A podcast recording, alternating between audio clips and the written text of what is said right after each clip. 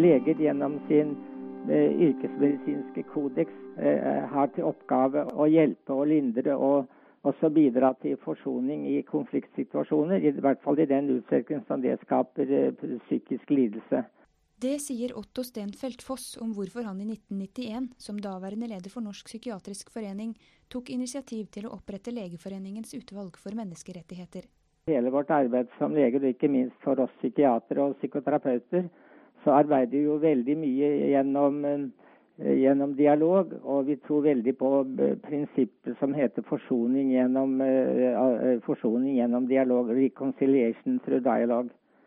Og eh, det, dette er en del av det som preger vårt arbeid eh, i den daglige psykiatriske behandling, og når det gjelder konflikter mellom mennesker generelt.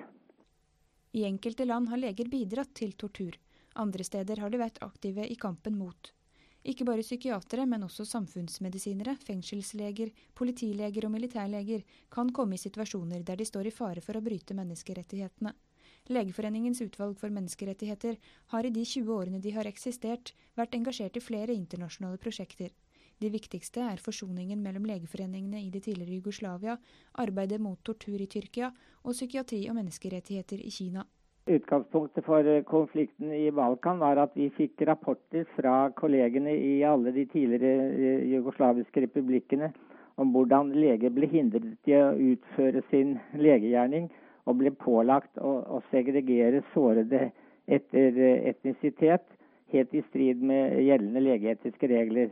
Og vi opplevde også, fikk også rapporter om at leger ble fengslet hvis de utøvet virksomhet som var i strid med det som de, den politiske ledelse påla dem. Og på det grunnlaget så følte vi at vi kanskje kunne medvirke til å få til en dialog på yrkesmedisinsk kollegialt grunnlag på tvers av de politiske skillelinjene. Arbeidet startet da ved at vi foretok en rundreise til alle de seks tidligere jugoslaviske republikkene. Fikk kontakt med alle de seks legeforeningene. Og klarte også å få forståelse for eh, i helseministeriet i de seks tidligere republikkene på at legene igjen kunne utvikle et samarbeid på, på tvers av frontlinjene og også utveksle sårede. Og eh, uten at det skulle relateres til, til tilhørighet til de enkelte republikkene. Kina er fra flere hold blitt beskyldt for å misbruke psykiatrien til politiske formål, ved at dissidenter skal ha blitt gitt psykiatriske diagnoser og innlagt i psykiatriske sykehus. Stenfeldt Foss ledet i 2005 en internasjonal kommisjon som skulle sjekke om det var hold i disse anklagene, og om den kinesiske psykiatriforeningen i så fall burde utestenges fra Verdens psykiatriforening. Vi fant ikke holdepunkter for at det var et systematisk politisk misbruk av psykiatri. Og Istedenfor da å ekskludere Kina, sånn som Sovjet ble ekskludert i slutten av 80-årene, så ble det etablert et samarbeidsprogram der faglig etiske problemstillinger og, og mer korrekt psykiatrisk diagnostikk ble etablert. Og det, det, arbeidet fortsatte da i regi av World Psychiatric Association parallelt med at vårt eget menneskerettighetsutvalg utviklet sitt eget program. Så det var på en måte en parallell prosess mellom World Psychiatric Association og Legeforeningens menneskerettighetsutvalg. Også i Tyrkia har det kommet rapporter fra kolleger og menneskerettighetsgrupper om overgrep. Siden 2005 er situasjonen forverret. Bruken av tortur, særlig i politiet, har økt, og ytringsfriheten er strammet inn.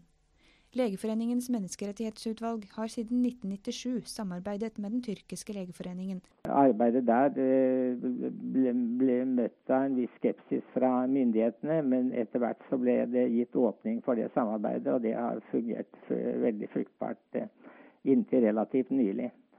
En veldig sterk eh, kontinuitet i arbeidet der har vært Bjørn Oskar Hoftvedt, utvalgets koordinator.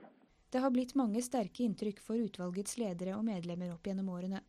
For Stenfeldt Foss har Balkan gjort størst inntrykk.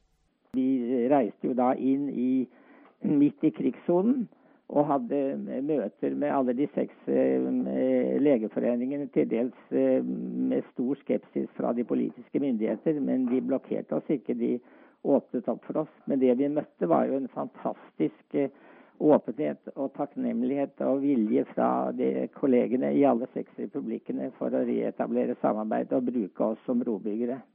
Selv var jeg også tett knyttet til Verdens helseorganisasjon i hemmelige kontaktmøter mellom helseministrene i de seks republikkene.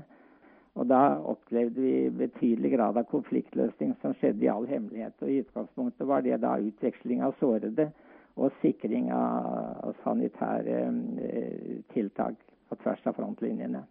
Det var noe av det tøffeste. Hvor har dere møtt de tøffeste skjebnene, da?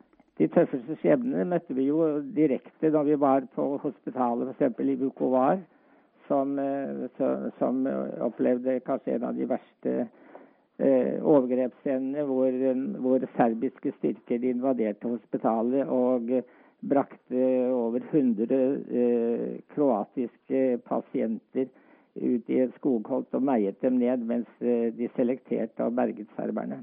Og da vi kom til sykehuset relativt nylig etter at eh, denne hendingen hadde skjedd, og det var under et redselsfullt skue. Og ellers så opplevde jo Sarajevo under beleiringen, og eh, hvor store deler av byen bare var en eneste stor kirkegård. Menneskerettighetsutvalget ble i 2012 slått sammen med utvalgene for klima og global helse.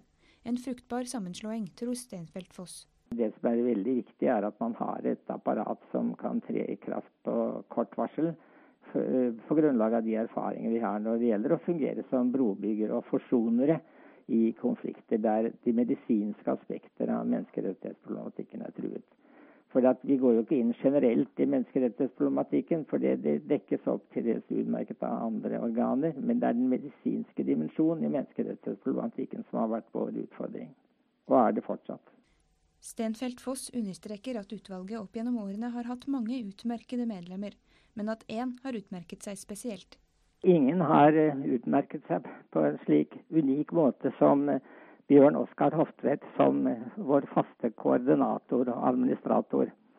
Han har sikret fagutviklingen når det gjelder medisinske aspekter av menneskerettigheter på en helt unik måte.